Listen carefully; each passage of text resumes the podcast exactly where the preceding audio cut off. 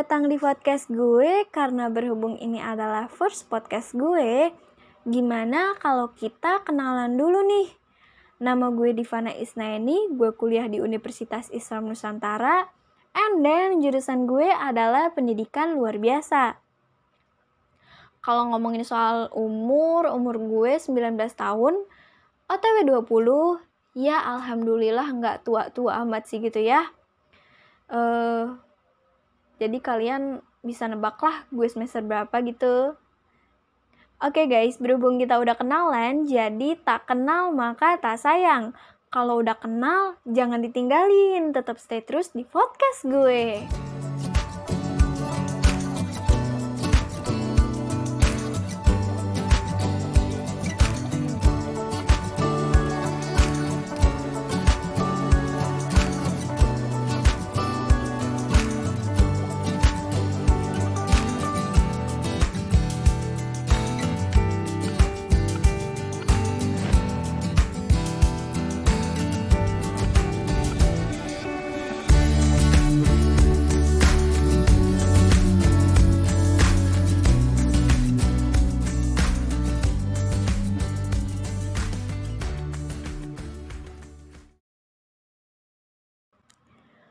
Oke guys, kali ini gue bakalan mengulik dan membahas seputar tentang tunarungu.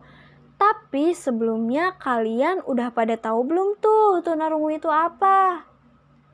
Biasanya sih kalau orang awam, biasanya nih ya, kalau orang awam atau orang zaman dulu itu menyebutnya dengan kata tuli atau gagu gitu.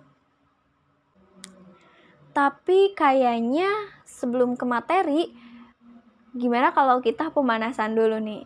Gue mau sedikit sharing tentang sepengamatan gue dan sepengalaman gue pandangan orang-orang terhadap anak yang berkebutuhan khusus e, contohnya kayak anak tunarungu ini gitu kadang gue suka heran sama orang di luar sana yang masih suka membeda-bedakan mana yang normal dengan mana yang anak berkebutuhan khusus gitu anak yang berkelainan kayak anak tunarungu ini. Kayak mereka memandang ih apaan sih? gitu. Kayak mandangnya tuh nggak banget. Kayak apakah anak-anak tunarungu ini nggak pantas untuk mendapatkan hak mereka? gitu. Padahal dengan lo membeda-bedakan seperti itu mana yang normal mana yang berkebutuhan khusus itu akan membuat anak yang berkebutuhan khusus merasa insecure merasa dirinya benar-benar beda gitu. Harusnya kita sebagai orang-orang yang normal orang-orang yang mampu berpikir dengan jauh, mampu berpikir dengan kritis gitu bisa mensupport anak-anak yang berkebutuhan khusus. Bukan malah membedakan. Mereka juga ingin mereka juga ingin berkembang mereka juga ingin berinteraksi secara normal. Tapi mereka terbatas mereka juga ingin dengan sama kayak orang-orang yang normal. Tapi malah sama orang yang normal diperlakukan berbeda. Udah gak paham lagi sih gue eh, tapi it's okay. Itu pendapat orang berbeda-beda pandangan orang emang beda-beda. Tapi kenapa? Jadi mulai sekarang ayo kita bantu support satu sama lain. Karena kita yang normal maupun yang berbeda itu sama aja. Setiap orang memiliki kekurangan dan kelebihannya masing-masing nggak semua orang nggak semua orang sempurna gitu it's okay back to topic oke okay? nah jadi tunarungu itu adalah istilah yang digunakan untuk menunjukkan keadaan kehilangan pendengaran yang dialami seseorang.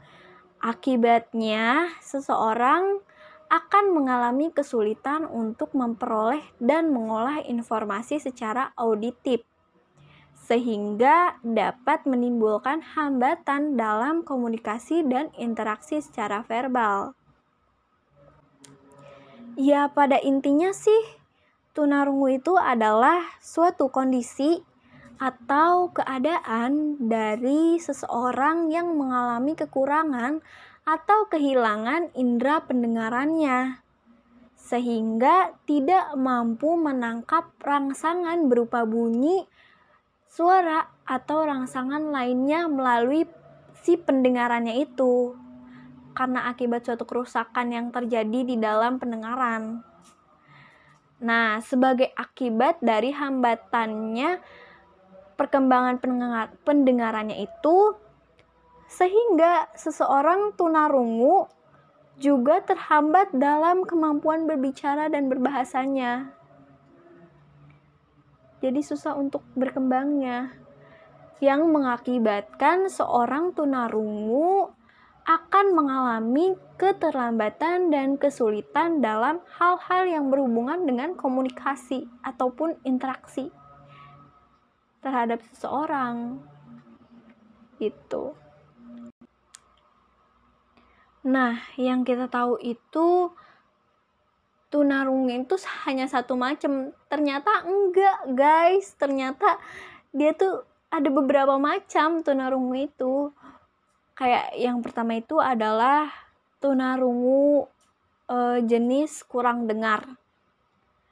Nah, kurang dengar ini dimaksudkan uh, masih bisa menggunakan pendengarannya sebagai sarana atau mobilitas utama untuk menyimak suara percakapan seseorang dan mengembangkan kemampuan berbicaranya. Jadi masih ada sisa pendengaran dan hal sisa pendengaran itu dia gunakan untuk suatu perkembangan bahasa yang mereka tangkap dari percakapan seseorang gitu. Nah, yang kedua itu ada tuli. Di mana mereka yang pendengarannya sudah tidak dapat digunakan sebagai sarana utama guna mengembangkan kemampuan berbicara. Nah, tapi masih bisa difungsikan sebagai suplemen pada pengalihan dan perabaan. Jadi dia masih sedikit bisa merasakan getarannya gitu. Masih bisa merasakan hal-hal di sekitar dia gitu. Nah, untuk yang terakhir itu ada tuli total. Jadi bener-bener total nggak ada sisa pendengarannya sama sekali gitu. Kalau tadi kurang dengar masih bisa tuli masih sedikit ada getaran-getaran yang dia dapat gitu. Kalau ini tuli. Total itu benar-benar gak bisa denger gitu. Jadi mereka yang sudah sama sekali tidak ada memiliki pendengaran gitu, sehingga tidak dapat digunakan untuk menyimak atau mempersi mempersepsikan dan mengembangkan uh, aspek bahasa dan bicaranya. Ya udah weh segitu gitu maksudnya. Seyang dia punya seyang dia tahu gitu. Nah adapun dari jenis berdasarkan sifat terjadinya.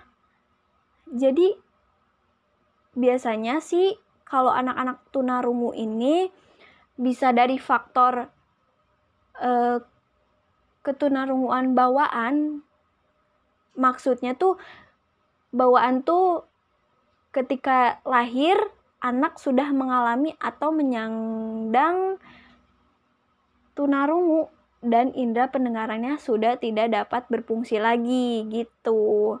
Jadi udah bawaan dari lahir. Adapun faktor dari ketunarunguan setelah lahir. Nah, ini Maksudnya itu terjadi tunarungunya itu setelah anak lahir bisa diakibatkan karena kecelakaan atau anak tersebut mengalami suatu penyakit yang baru terdetek terdeteksi uh, setelah lahir ini gitu. Tapi biasanya biasanya faktornya itu banyaknya dari tunarungu bawaan gitu, dari tunarungu pas hamil gitu. Nah, tadi kan kita udah ngebahas tentang apa sih tunarungu, tentang jenisnya, tentang jenis e, dari faktor pen, penyebab terjadinya. Nah, berarti sekarang kita harus tahu nih penyebab tunarungu itu apaan sih gitu. Nah, penyebab ketunarunguan ini dapat terjadi e, sebelum lahir atau prenatal Adapun ketika lahir, Natal, dan setelah lahir atau biasa disebut postnatal gitu. Terdapat beberapa hal yang dianggap sebagai penyebab ketunarunguan, yaitu ada beberapa penyebab. Yang pertama itu ada faktor internal, adapun faktor eksternal kalau faktor internal nih ya dari internal dulu. Kalau internal itu biasanya akibat dari keturunan atau gen. Biasanya dari e, pewarisan sifat gitu, dari yang atas-atas gitu, kakek neneknya atau buyutnya atau pokoknya dari yang saudara-saudara, pokoknya keturunan. Adapun akibat dari virus. Nah, kayak contohnya virus rubella pokoknya virus rubella itu pokoknya saya pernah gue pernah denger virus rubella itu pas zaman gue sekitar kelas 6 SD kalau nggak salah itu tuh marak banget sih dan virus itu tuh ada sejak si bayi masih dalam kandungan jadi e, menyerangnya tuh masih di dalam kandungan baiknya. Nah, adapun yang kedua itu faktor eksternal, faktor dari luar gitu. Kalau tadi kan faktor internal dari dalam, sekarang faktor dari luar atau eksternal. Faktor eksternal itu ada dua. Yang saya tahu itu ada dua. Yang pertama ada penyakit lain atau kecelakaan yang dapat mengakibatkan seseorang kerusakan alat-alat pendengaran e, bagian tengah atau dalamnya gitu. Nah, makanya nih kalian harus hati-hati. Apalagi kalau lagi bersihin kuping gitu jangan terlalu dalam takutnya kena si gendang telinganya si rumah seafoodnya akan rusak gitu. Itu yang akan membahayakan. Terus adapun itu yang kedua anak mengalami infeksi pada saat dilahirkan atau kelahiran jadi kayak ada suatu faktor dari luar. Atau enggak makanya kalian harus kalau apa-apa tuh harus higienis gitu. Jangan dientar-entar kalau luka atau apa gitu. Harus tetap harus cepat ditanganin gitu. Nah kalian pasti bingung kan nih gimana cara berkomunikasi dengan penyandang tunarungu nih? Sedangkan mereka aja nggak bisa denger nih apa yang bakalan gue bicarain. Nanti yang ada gue dikira gila lagi ngomong sendiri gak jelas. Jadi buat kalian nih kalau yang mau berkomunikasi dengan atau berinteraksi dengan anak-anak penyandang tunarungu gitu nggak usah khawatir gitu. Jangan khawatir kalian takut dikira orang gila ngomong sendiri. Enggak kalem aja guys gitu. Uh, berkomunikasi dengan seorang tunarungu itu sebenarnya nggak sulit-sulit amat gitu. Cuma perlu mempelajari caranya dan sedikit bersabar gitu. Karena mereka juga harus uh, mendengar mereka bisa mengetahui apa yang kita bicarakan tapi mereka juga harus uh, apa ya memprosesnya gitu mencernanya gitu guys. Nah cara yang dapat kita lakukan untuk berkomunikasi dengan penyandang tunarungu itu banyak macamnya gitu. Yang pertama itu ada cari perhatian jadi kita harus mencari perhatian anak-anak tunarungu ini. Kenapa harus mencari perhatian? Karena penting guys untuk mendapatkan perhatian merekanya. Jika kita emang benar-benar mau berkomunikasi. Itu. Contohnya nih, kayak sentuh atau tepuk bahunya untuk memberi isyarat bahwa kita tuh ingin ngobrol sama dia gitu, ingin berkomunikasi sama dia gitu. Biar dia tahu. Nah, adapun yang kedua itu cari tempat yang tenang, yang sepi, yang enggak terlalu ramai gitu. Ya kayak pokoknya tempat-tempat yang merasa bahwa ini tuh cocok gitu buat anak tunarungu gitu. Karena kalau misalkan di tempat yang rame, itu malah dia nggak fokus gitu.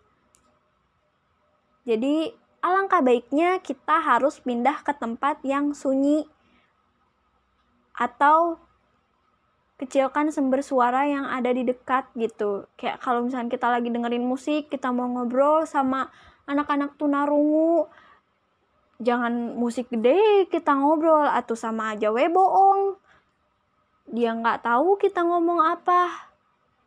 Nggak kedengeran ndak suaranya dari sana sini gitu. Nah adapun eh, yang ketiga ini mensejajarkan posisi wajah jadi jangan pak jauh-jauh. Jadi kita bingung. Anak jadi anak tunarungu kan jadi susah gitu buat liatnya siapa yang ngomong gitu. Nah kenapa harus mensejajarkan posisi wajah? Karena saat akan mulai berkomunikasi si mata itu harus uh, ngeliat ke si anak tunarungu ini gitu fokus. Nggak tengok sana sini gitu. Biar dia juga semakin paham bahwa kita emang lagi komu bener-bener komunikasi sama dia gitu. Nah yang terakhir itu yang keempat ada berbicaralah dengan normal dan jelas. Hindari berbicara dengan cara berbisik. Ya jadi entong haha rewos. Ntar dia nggak denger gitu maksudnya. Atau mengeraskan suara karena dapat menyulitkan penyandang tunarungu dalam membaca gerak bibir. Nah, jadi kalau kita mau berkomunikasi dengan anak-anak tunarungu itu mereka meskipun tidak bisa mendengar suara gitu ya hanya getaran gitu atau atau yang buat anak-anak tunarungu yang masih memiliki sisa pendengaran itu mereka akan tetap melihat bibir kita gitu yang berbicara. Makanya gimana caranya biar kita harus bisa berkomunikasi dengan jelas ngomong dengan jelas biar terbaca oleh dia gitu Gitu guys. Nah, berkomunikasi dengan penyandang tunarungu ini mungkin merupakan tantangan tersendiri nih bagi kita. Emang iya sih, karena kita harus benar-benar fokus sama dia gitu. Jika harus berkomunikasi dengan mereka secara rutin nih, ada baiknya kita harus mampu mempelajari bahasa isyarat udah pada tahu dong pasti bahasa isyaratnya yang kayak gimana karena zaman sekarang mah udah banyak udah canggih yang suka kaper-kaper bahasa isyarat pakai lagu gitu. Nah bahasa isyarat yang yang resmi juga nih jangan yang jangan yang aneh-aneh nanti mereka juga bingung atau gimana. Biar satu sama lain saling paham apa yang dibicarakan gitu. Nah dan adapun alat bantu dengar untuk tunarungu. Sekarang kan zaman teh udah canggih udah modern ya kan? Udah segala segala sesuatunya itu udah pakai teknologi. Udah macem-macem lah sekarang mah ya. Udah nggak aneh kalau masalah teknologi tuh gitu. Udah bener-bener canggih. Nah alat bantu dengar untuk tunarungu ini fungsi pendengaran penyandang tunarungu dapat terbantu berkat penggunaan alat bantu dengar. Jadi sekarang mau udah ada alat bantu dengar. Alat bantu dengar ini dapat berupa implan koklea yang ditanamkan pada telinga melalui e, pembedahan gitu dioperasi. Jadi si alatnya itu dimasukin ke telinga kita. Ditanam gitu. Atau kalau enggak kalau enggak pakai alat bantu dengar. Ini mungkin efeknya nggak terlalu mainstream banget ya. Efeknya nggak terlalu besar banget buat penyandang tunarungu. Karena alat bantu dengar ini biasanya bisa dipasang dan dilepas sesuai keinginan kita. Kalau mau dipakai bisa dipasang ngedadak gitu. Bentuknya pun gampang dibawa ke mana-mana gitu. Kayak earphone aja. Gitu deh.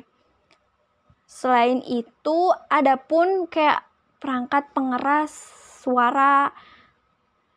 Juga dapat dipasang di alat elektronik gitu kayak pakai speaker seperti cara PC, telepon atau radio kayak gitu kan pengeras suara. Uh, supaya penderita gangguan pendengaran ini juga bisa menikmati gitu, menikmati acara dan berinteraksi dia teh supaya tetap berkembang gitu gak merasa dirinya ya gak bisa interaksi sama orang-orang karena kayak gini gitu enggak gitu guys nah jadi kan tadi kita udah bahas nih seputar tunarungu. Jadi udah pada tahu dong, sama udah pada paham juga dong apa itu tunarungu. Dan gimana mereka melakukan komunikasinya dengan orang-orang yang mengalami tunarungu atau gangguan pendengaran ini, gimana kita uh, bisa berkomunikasi secara baiknya gitu. Seperti yang dikatakan seperti yang kita tahu, sebenarnya tunarungu itu adalah orang yang gak bisa dengar. Hanya merasa gak bisa merasakan bunyi dan hanya ada kesunyian di dalamnya gitu. Di hidupnya gitu. Tapi pada dasarnya mereka yang memiliki keterbatasan dalam komunikasi dan interaksi itu tetap bisa melakukan komunikasi dan interaksi secara baik dengan caranya sendiri gitu guys apalagi sekarang itu udah bisa pakai alat bantu dengar. Udah keren sekarang mah. Tinggal maunya aja. Gitu. Karena alat bantu dengar ini bisa kita pakai buat yang masih kecil ataupun yang udah udah dewasa, udah besar gitu. Jadi boleh pakai siapa aja untuk menyandang tunarungu, enggak enggak harus buat umur yang udah dewasa aja. Karena dengan adanya alat bantu dengar ini mereka sedikit terbantu gitu. Ya setidaknya mereka uh, dapat mendengar apa yang bisa mereka dengar di sekitar mereka dapat berinteraksi secara normal, tidak dibedakan, gitu. Dan hal-hal yang di sekitar yang mereka biasa nggak nggak mendengar karena alat bantu dengar bisa sedikit terbantu, bisa kedengeran gitu, bisa tahu. Karena secara tidak langsung membantu dan membuat dunianya para penyandang gangguan pendengaran ini lebih berwarna, gak ada kata sunyi lagi yang dirasakan oleh mereka. Gitu guys. Nah jadi gimana nih? Setelah kalian denger setelah, setelah kalian menyimak semoga dengan kalian mendengar podcast ini tentang tunarungu ini pikiran kita semua dapat terbuka lebih jauh gitu.